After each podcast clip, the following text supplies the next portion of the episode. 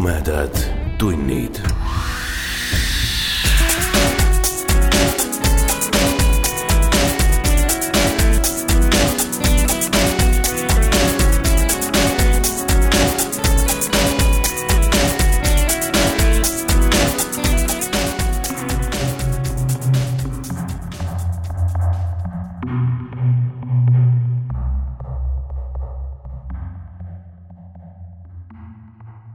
tere, hea ulmesõber.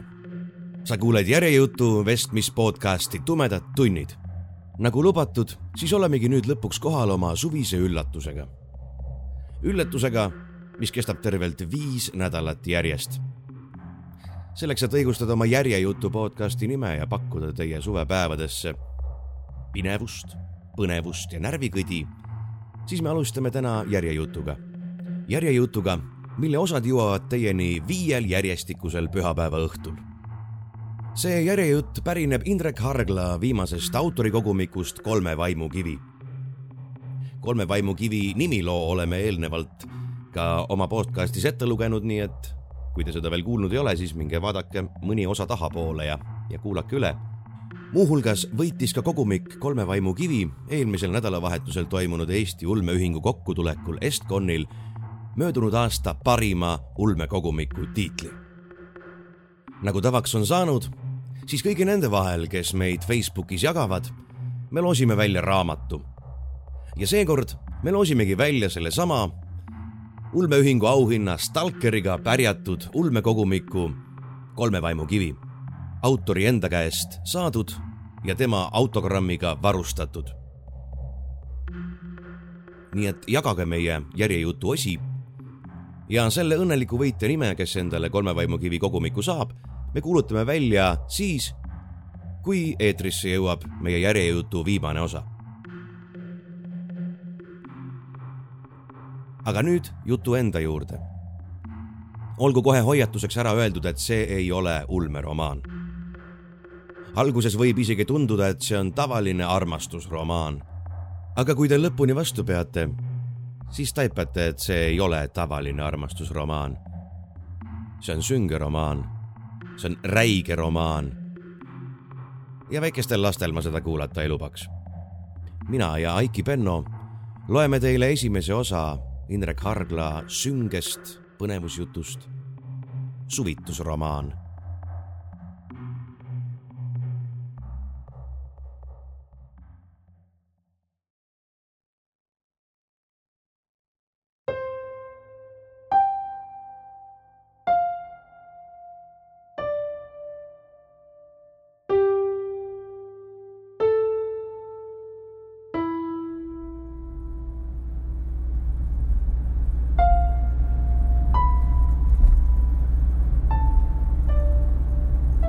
tema nimi on Ülsving. tal on pikad lumivalged patsidesse seotud juuksed, mis siis ümber pea nagu krooniks keeratud. ma arvan, et tal on helesinised silmad. ta on hunnitult ilus. sama ilus nagu see Pärnu raamatupoe kohvikumüüja. kõige ilusam naine, keda ma elu sees näinud olen, rääkis Ervin. Ülsving põgeneb selle mehe linnusest, kes ta ära röövis ja enda omaks tahtis teha Ülsving läheb otsima seda saladuslikku noormeest, kellele ta ise Ustav nimeks pani. ta ei tea veel, et tema röövija on tegelikult Ustavi isa. Ülsving peaks tagasi minema Haldekotta. no see on nagu klooster seal maailmas. aga ta ei suuda ennast selleks sundida. Ülsving ei ole iial midagi sellist kogenud, nagu ta tundis Ustaviga. siin see koht vist ongi, ütles Kertu ja juhtis auto teeserva Ülsving ei saa päriselt aru, mis tema hinges toimub. armastus on talle keelatud. aga ta peab Ustavit veel kord nägema. kas ta armastab seda Ustavit? küsis Kertu. ta mõtleb temast päeval ja ööl. mälestus Ustavist annab talle jõudu, et vangipõlv üle elada. näe, silt on ka üleval. ütles Kertu ja lülitas mootori välja.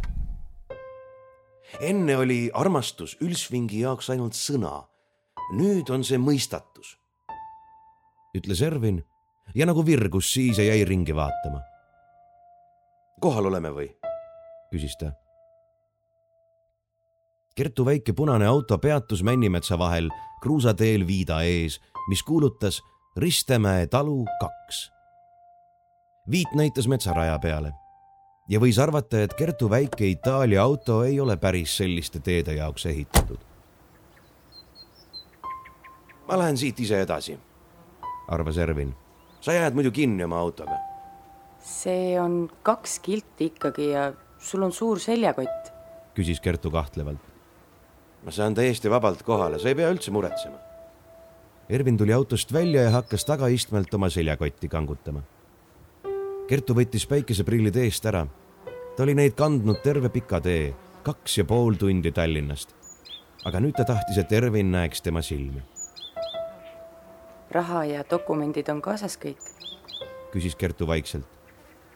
Telefoni ja läpakalaadija võtsid? koti põhjas. sa tead, et kui sul midagi maha jäi, siis ma võin ju linnast ära tuua. Ervin upitas seljakoti selga pani Kertule käed õlgadele ja naeratas lahkelt. sa ei tohi oma suve minu peale ära raisata. juba see, et sa mind siia ära tõid, on liiga palju.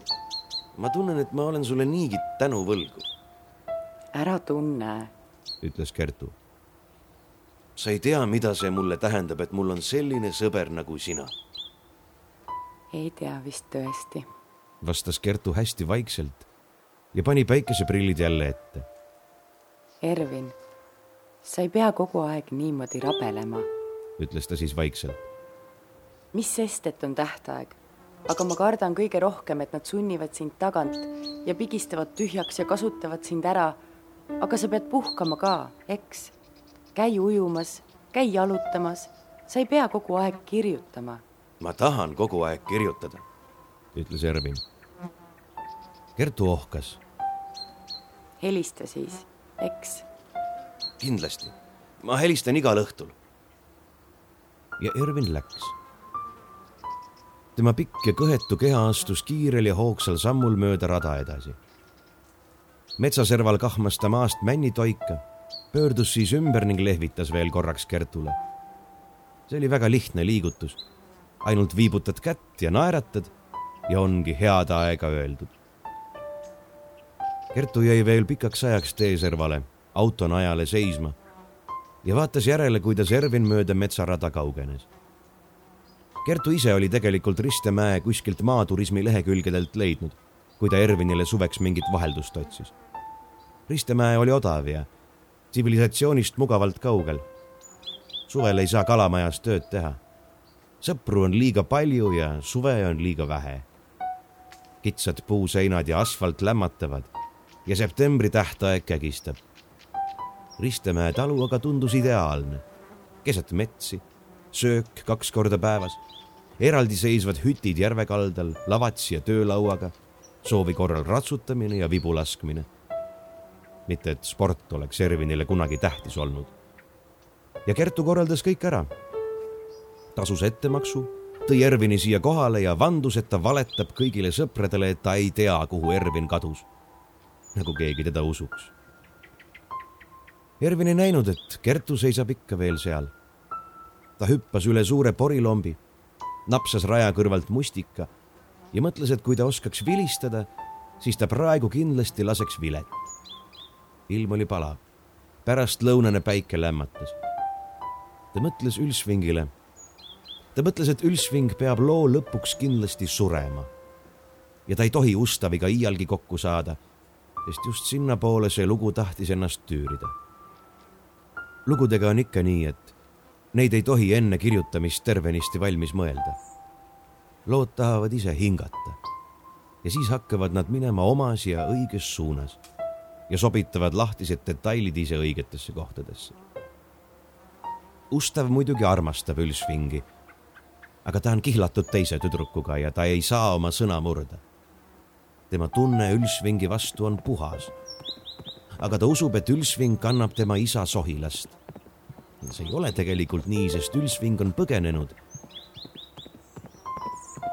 Ervin oli vast kilomeetri kõndinud, kui kuulis äkki kabjamüdinat. ta jäi seisma ja vaatas selja taha.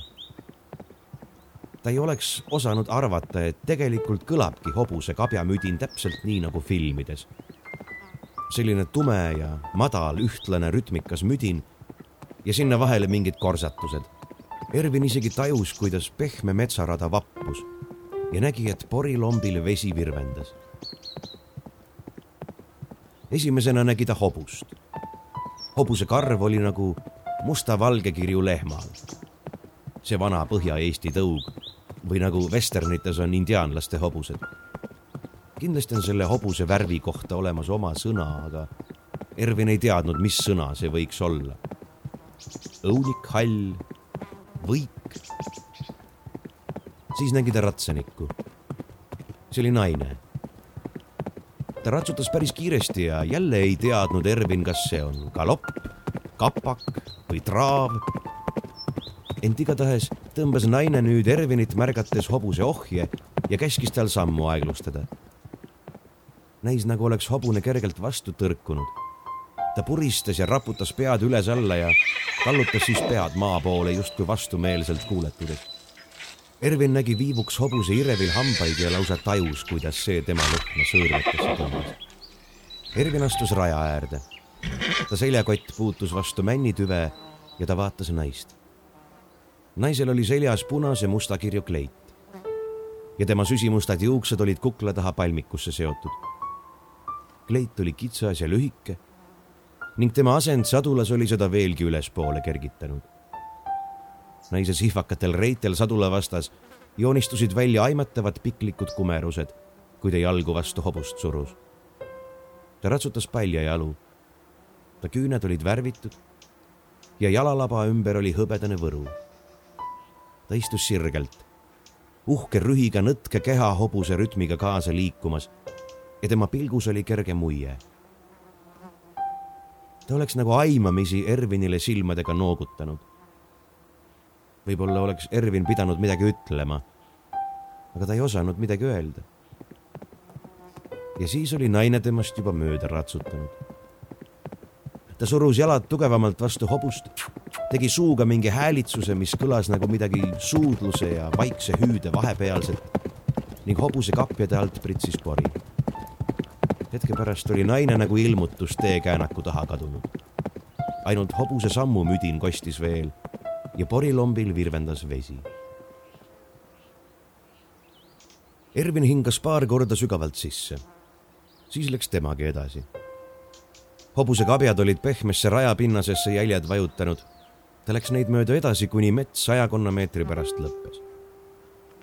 rada jõudis kitsale kruusateele, mis lahutas metsa põllust või heinamaast. Ervin ei osanud neil erilist vahet teha. teeviita siin enam ei olnud. igaüks peaks nüüd ise teadma, kuhu poole Ristemäe talu jääb. Ervin vaatas ringi kaalus viivuks oma võimalusi ning hakkas sammuma suunas, kus puude viirg lubas oletada talu kohta. tuul painutas lepavõsa tee ääres. pilvede varjud ujusid üle põllul uitavate toonekurgede ja taamalt kostis traktori mürin. see oleks nagu lähemale tulnud. ja kui Ervin pead keeras, siis ta nägi, et üks traktori kosu põrtsutab tõesti mööda kruusateed lähemale. see oli väiksem lahtise kabiiniga loom ja vedas järelkäru. hüples ja kolises mööda kruusateed ning juhi istmel rooli keerav mehe näss uuris juba eemalt Ervinit uudishimulikult. kirjanik vä? Röögatas ta üle masinamüra, kui traktor lõpuks Ervinile järele jõudis. sina oledki see kirjanik vä? Ervin noogutas vastuseks ja mees viipas, et ta traktori peale roniks mees lajatas talle tervituseks kõva laksu vastu rinda. mehe nimi oli Gunnar. tema ongi Ristemäe peremees, sai Ervin kohe teada. Gunnar võis olla ehk veidi alla kuuekümne. ta haises higi, õli ja sõnniku järele. Tal olid pikad rääsunud krässus juuksed ja saepurune habe, mis näis tal suust välja kasvavat. karvatuustide vahelt oli näha, et tal on kaks esihammast puudu ülejäänud hambad olid kaetud mingi kollakas pruuni kleepuva kihiga, mille vastu moodne kosmeetika oli ilmselt võimetu. ja mis lisas tema lõhnabuketti vihje, nagu sööks ta peamiselt traktori alla jäänud kährikuid. lühidalt, Gunnar nägi välja nii, nagu leiaks Frankensteini koletis temas oma role model'i. kirjanik, äh? mis sa siis kirjutad? raamatuid kirjutad või? kisendas Gunnar üle mürina. romaane ja jutte. hüüdis Ervin vastu. tead, mis raamatut mina viimati lugesin? ei tea. hoiuraamatut ja Gunnari naerumürin käis nüüd traktori omast üle ja ta virutas Ervinile veel ühe löögi roiete alla. see oli Vene ajal nagu pangakaart praegu on. paned raha sinna peale ja muudkui loed üle. hea raamat oli, putsi raisk. arvata võib, kostis Ervin, aga ega teda vist kuulda ei olnud. tulid suvitama või? suvitama ja tööd tegema ka. Mis tööd? no mul on raamat tarvis valmis kirjutada. mis kuradi töö see on? tuled sulaseks mulle hoopis, äh? mul tööd sitta kanti Gunnar pröökas jälle naerda ja Ervin ei saanud aru, kas see oli nüüd tõsine pakkumine või katse nalja teha. igaks juhuks naeris ta kaasa. kas külastajaid on palju see suvi?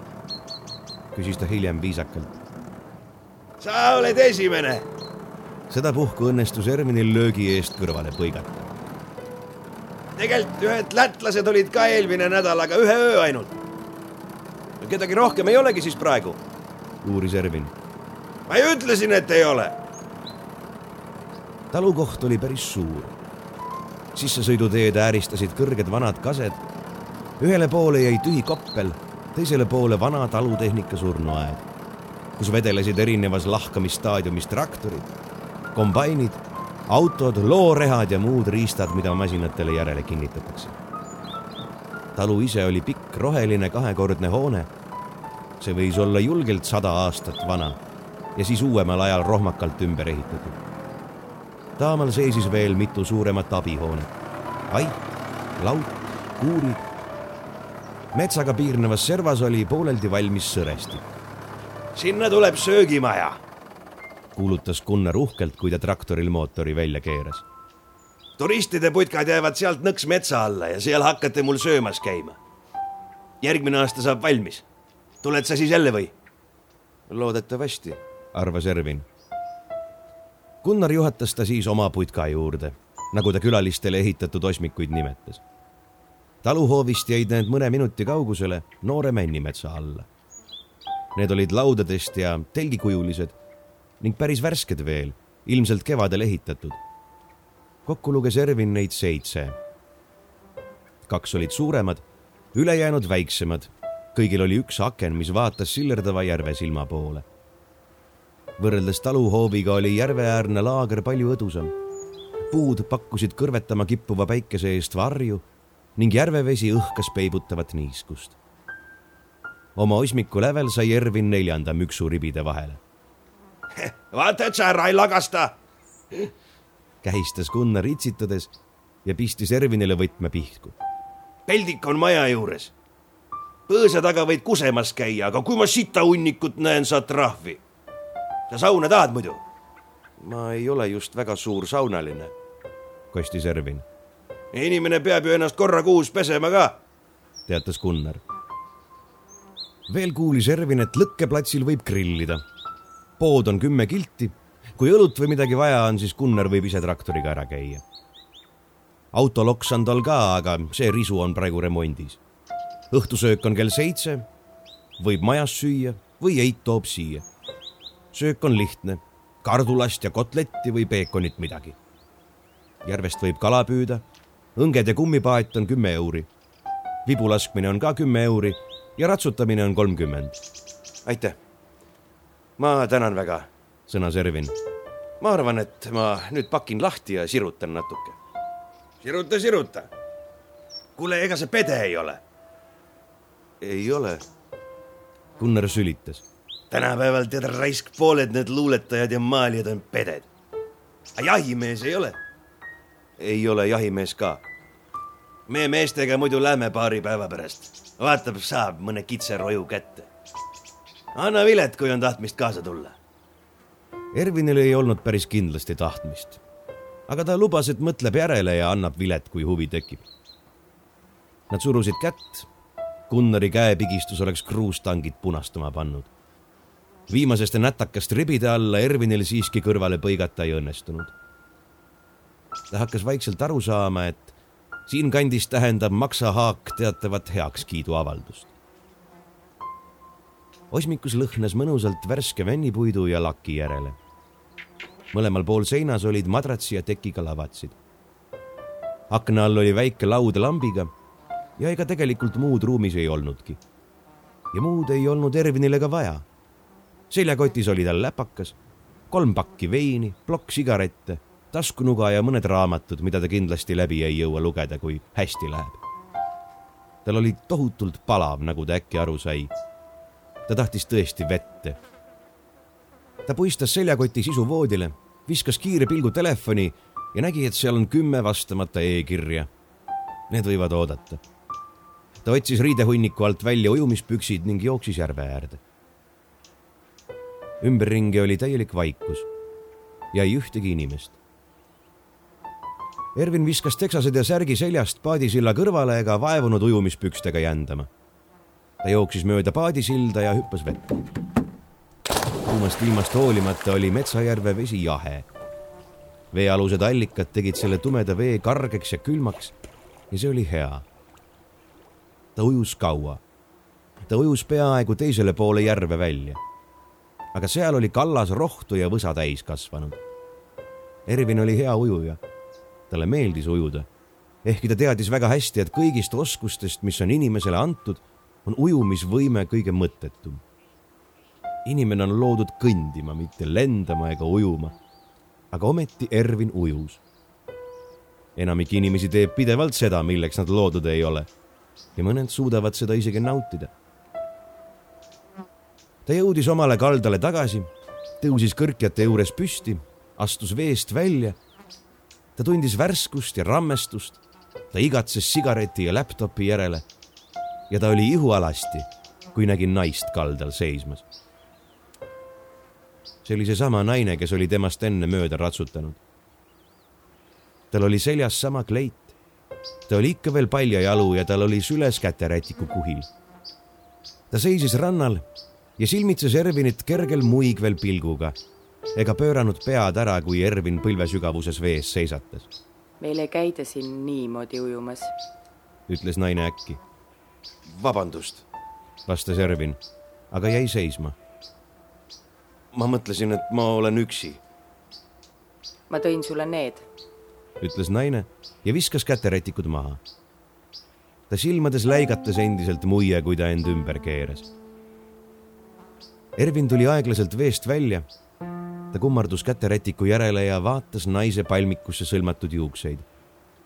kergelt tedretähnilisi õlgu ja kaela, mille ümber oli peenike hõbedast kett. kui vana ta võib olla? kolmkümmend viis, nelikümmend kleit ulatus naisele põlvedeni. säärtel võis näha õrnalt tumenenud veresooni ja jalavõru sillardas Ervinile teravalt silma. ma olen Anna, ütles naine. sinu perenaine. panid rätiku ümber juba? jah, vastas Ervin. peaaegu. mina olen Ervin. ma tean, Anna pöördus ümber. tema silmad olid pruunid hõbedast keti otsas rippus väike rist, nägi Ervin nüüd, minu abikaasaga sa vist juba said tuttavaks.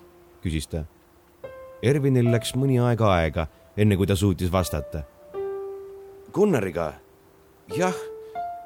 ta lõi mind viis korda ribidesse, nii et me peaksime juba väga head sõbrad olema. Anna noogutas. ta vaatas, kuidas Ervin teise käterätikuga ülakeha hõõrus. vabandust, ütles Ervin veel kord. ma enam ei tee. me vist nägime enne metsas. ma ratsutasin säruga. kuidas sa kohale said? küsis Anna. üks sõber tõi mind ära. aa, see punane auto, jah? see seisis tee servas, kui ma mööda ratsutasin. keegi tüdruk istus sees. jaa, seesama. miks te siis koos ei tulnud oma sõbraga? meil ju ruumi on. Ervin tõmbas teksased jalga. Kertu, oh, Kertu on tõesti ainult hea sõber. ainult hea sõber. küsis Anna, aga ei jäänud vastust ootama. ta pöördus ja hakkas osmikute poole tagasi minema. Ervin pani särgi selga, korjas rätikud kokku ja läks talle järele. lapsepõlvesõber juba, ütles ta. me käisime ühes koolis, ta on minu kõige esimene lugeja ja toimetaja ja agent ja kõik sellised asjad. ma olen kirjanik, tähendab, kirjutan raamatuid ja Kertu aitab mind ah soo. ütles Anna. ta kõndis edasi ja Ervin jõudis talle järele. ma mõtlesingi, et ma saan siin paar nädalat rahulikult töötada. Ma ei ole vist selles mõttes päris tavaline turist, kes suvitama tuleb. vabandust. õhtusöök on kell seitse. kas sa sööd majas või ma toon sulle siia? Ervin ei osanud ette kujutada, mismoodi selline õhtusöök kolmele koos kaunitari ja koletisega välja võiks näha ma sööks siin, arvas ta ettevaatlikult. kui see si-, kui see noh, üleliia tüli ei tee. ei tee, sõnas Anna. Sa oled esimene kuulsus, kes meie juurde satub. ta seisatas ja naeratas kergelt. kell seitse siis, ütles ta ja läks minema. hiljem istus Ervin lõkkeplatsil, laptop põlvedel ja proovis kirjutada laused tulid rohmakad ja mõte takerdus. ta vaatas rohkem kella kui sõnu, mida ta kirjutas. järvel ujus pardipere, roostikus krooksusid konnad. Ülsving rändas mööda maad, otsis ustavit, küsis endalt, mis on armastus ja üritas ennast veenda, et tal ei ole õigust mõelda neid mõtteid, mis ta südame ärevalt kuumaks tegid. Anna tuli pool kaheksa. ta oli riideid vahetanud teksased jalga pannud ja valge lühikeste käistega pluusi selga. Tal oli käes kandik, millel olid kausid kotlettide, kartuli ja peedisalatiga. veel oli seal pudel õlut. Gunnar saatis. maja poolt. aitäh. Anna pani kandiku grillimiskoha juures lauale ja istus pingile. kirjutad? küsis ta. noh, mitte päriselt. ma olen nagu natuke ummikus praegu. millest sa kirjutad? ma ei tea isegi. armastusest vist. Inimese hingest. millest muust ikka on kirjutada? ma, ma lugesin su koobalt vikerkaart, aga ma ei saanud sellest aru. Ervin oli tõsiselt üllatunud. mitte just sellepärast, et Anna seda lugenud oli. väga paljud inimesed olid koobalt vikerkaart lugenud. aga et Anna sellest aru ei saanud. see oli ju väga lihtne lugu isegi nii lihtne, et mul oli natuke piinlik selle pärast. Mulle meeldis see, aga ma ei saanud tõesti aru. see ei käi ju päriselt niimoodi, armastus. ma ei tea, kuidas on päriselt. et on need neli rüütlit ja siis see naine, kes neile kõigile ilmub. ja nad peavad lahendama need mõistatused, et tema juurde jõuda. aga seda naist ju ei olnudki Nad läksid surma tema pärast, aga ei olnud teda kunagi näinud. No naine oli ideaal. Need rüütlid olid poeedid, trubaduurid ja nad armastasid armastuse ideaali. ja nad pandi proovile, kas nad on suutelised võitlema ja surema ideaali pärast. lihtsalt sellepärast, et maailmale kuulutada, et see on olemas. no umbes nii ma mõtlesin, et see on selline lihtne rüütliromaan aga sa said mitu auhinda, välismaal ka. Ervin kehitas õlgu. Kriitikud nägid selles midagi muud. et tegelikult kirjutan ma tänapäevast ja tegelastel on moodsad arhetüübid. see on nagu maailm, milles popkultuur on armastuse ära labastanud. inimesed ei tunne enam oma tundeid, vaid neid, mida nad telekast õpivad. ühesõnaga selline pläma, mingid metatekstid ja paradigmad, ma ma enda meelest kirjutasin midagi muud. igatahes mulle meeldis see. ütles Anna ja naeratas. Aga ma vist segan sind. ta tõusis. head isu. ei sega üldse, tahtis Ervin öelda, aga ei öelnud. ta jäi üksi. ta sõi ja süütas hiljem lõkke. tõi paki veini ja üritas kirjutada. järve kohale laskus õhtu. tuulehood vaibusid lõke praksus vaikselt ja suitsuvine tõusis sirge joonena loojuva päikese poole. Ervini kõrval kandikul olid tühjad nõud ja ta mõtles, et millalgi peaks Anna neile järele tulema. Ustav rändab koos oma mõrs ja killega tagasi Hallamäele. see on pikk tee, täis ohtusid ja seiklusi. Kille hakkab üha rohkem mõtlema selle peale, et Ustav armastab tegelikult kedagi teist. ja see mõte häirib teda. alguses ei tundunud see üldse tähtis ta on Ustaviga kihlatud, ta abiellub, saab lapsi ja kogu lugu. nüüd aga hakkab ta tundma Ustavi vastu kiindumust. ja Ervin teadis, kuhu see lugu tahab kiskuda. hakkas hämarduma ja Ervin ei näinud enam hästi kirjutada. ta viskas paar jämedamat kuuseoksa lõkkesse. Need hakkasid valjult praksudes sädemeid pilduma. korraks oleks Ervin nagu kuulnud taamal talu pool hobusekapjade müdinat. aga siis helistas Kertu. sa lubasid helistada, kuidas läheb, mida sa teed? ma kirjutasin paar lehekülge. ma saadan sulle peatüki. siin on muidu väga ilus ja vaikne, ma olen ainus külaline. kuidas pererahvas on? noh, nii ja naa. no peremees on mingi mühkam, täielik tropp, sihuke vana jurakas. ja tead, see on imelik natuke. mis on imelik? tal on naine ka palju noorem, mingi ligi paarkümmend aastat. väga ilus naine. ahah. sõnas Kertu vaikselt. kas sama ilus nagu see Pärnu raamatupoe kohvikumüüja? veel ilusam, ma arvan. ta ei peaks kindlasti siin kolkas olema. ma ei saa aru, kuidas see abielu neil püsib. see on väga lihtne. tüdruk oli koolis kõige ilusam, kõige populaarsem ja mees oli siis noorem, rikas ilmselt ja mingi kohalik kuulsus tüdruk oli noor ja loll, lasi ennast ükskord ära rääkida ja ei lasta ootama. noh, ja siis oli valida, kas jääda maal lapsega tüdrukuks või mehele minna. nii et sa arvad, et neil on laps? sa ju küsisid, mis neid koos hoiab, mina lihtsalt pakkusin. jah, võib-olla on sul õigus. ta igatahes ei öelnud küll, et neil laps on. miks ta oleks pidanud? me lobisesime natuke. ta ratsutab ta on mu raamatut lugenud, aga ta ei saanud aru sellest. hea küll, Ervin. ole tubli siis ja puhka. ära vaeva ennast võõraste asjadega. Kertu jutt kõlas kuidagi kummaliselt. ta lõpetas kiiresti kõne. ta ei tundnud huvi, kas Ervin on kirjadele vastanud. tundus, nagu oleks tal midagi südamel. Ervin istus veel natuke aega lõkke ääres ja läks siis samuti magama hommikul magas ta kaua ning ärkas, kui päike oli juba kastemer ja rohu ära kuivatanud. ta käis ujumas ja mõtles, et on vist hommikusöögi maha maganud. aga ta ei olnud eriti näljane. lõkkeaseme juures tühje nõusid enam ei olnud. ta kuulis talu poolt traktori müra ning nägi puude vahelt, kuidas Gunnar hoovist minema sõitis. hiljem uitas ta puude vahel, metsatuka ja taluhoovi piiril.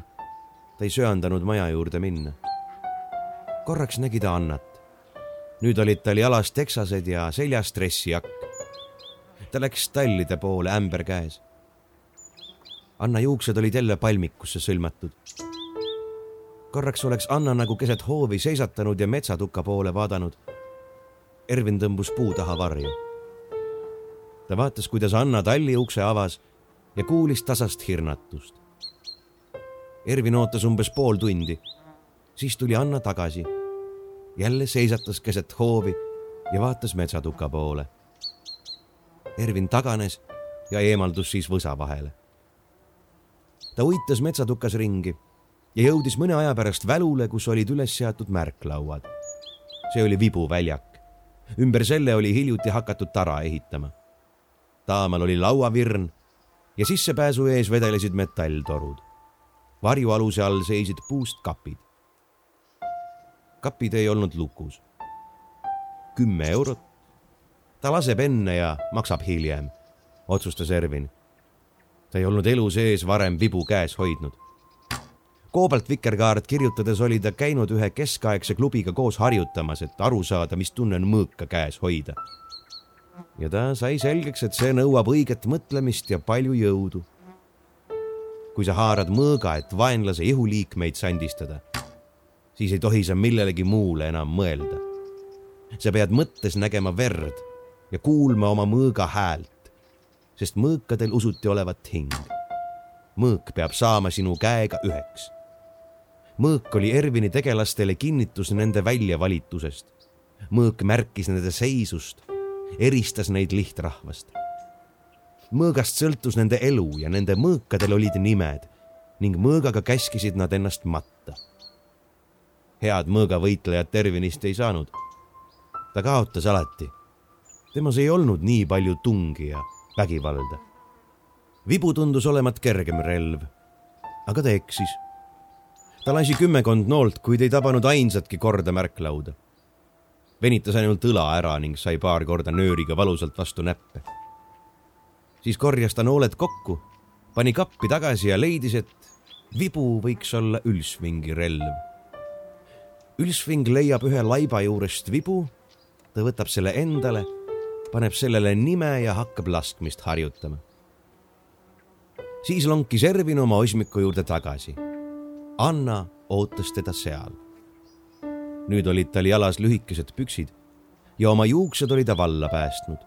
ma tulin küsima, kas kõik on korras. sind ei olnud hommikust söömas ma magasin väga kaua, kostis Ervin. Ta ei läinud Annale lähemale ja seisis temast mõned meetrid eemal, aga tundis siiski kerget parfüümi läbi õhu teda embamas. oli raske end sundida mitte Anna jalgu vaatama, ent tema nägu oli samuti ebaõiglaselt ilus.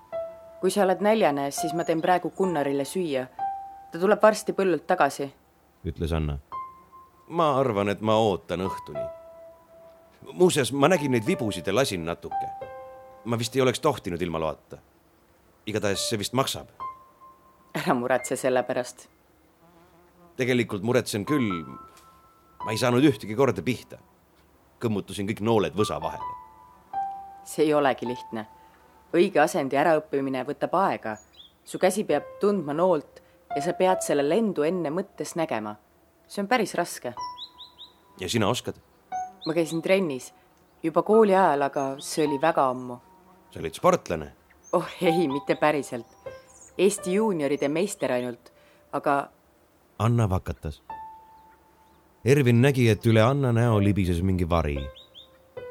see oli liiga isiklik teema.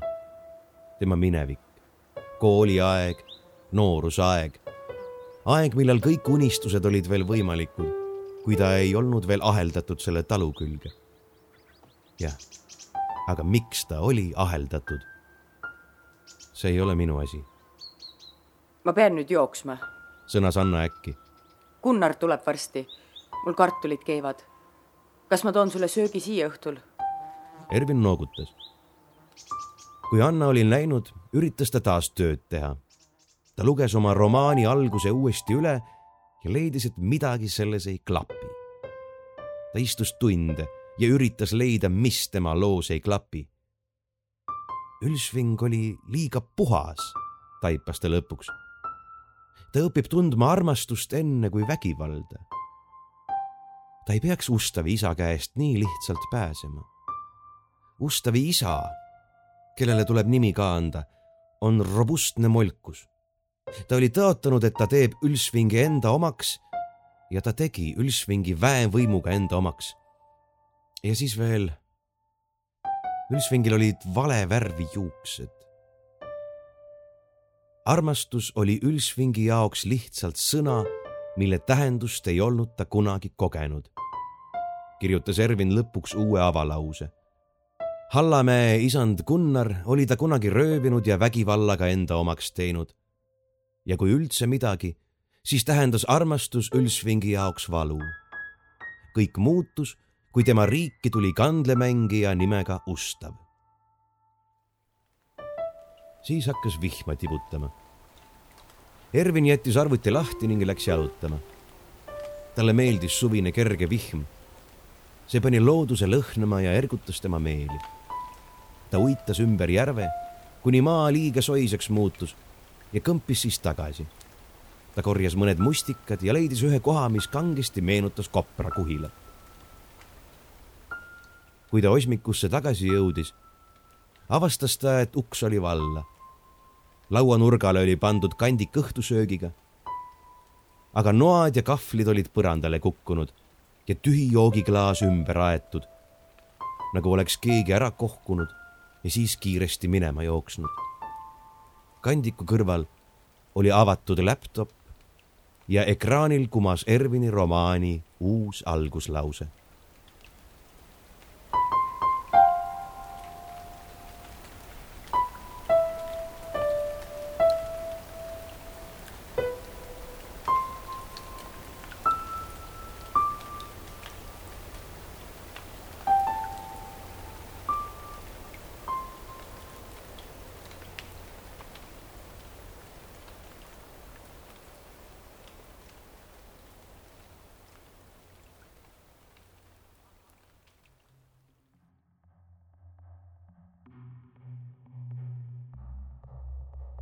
Te kuulsite esimest osa Indrek Hargla põnevusjutust Suvitusromaan. lugesid Priit Öövel ja Aiki Penno. kohtumiseni nädala pärast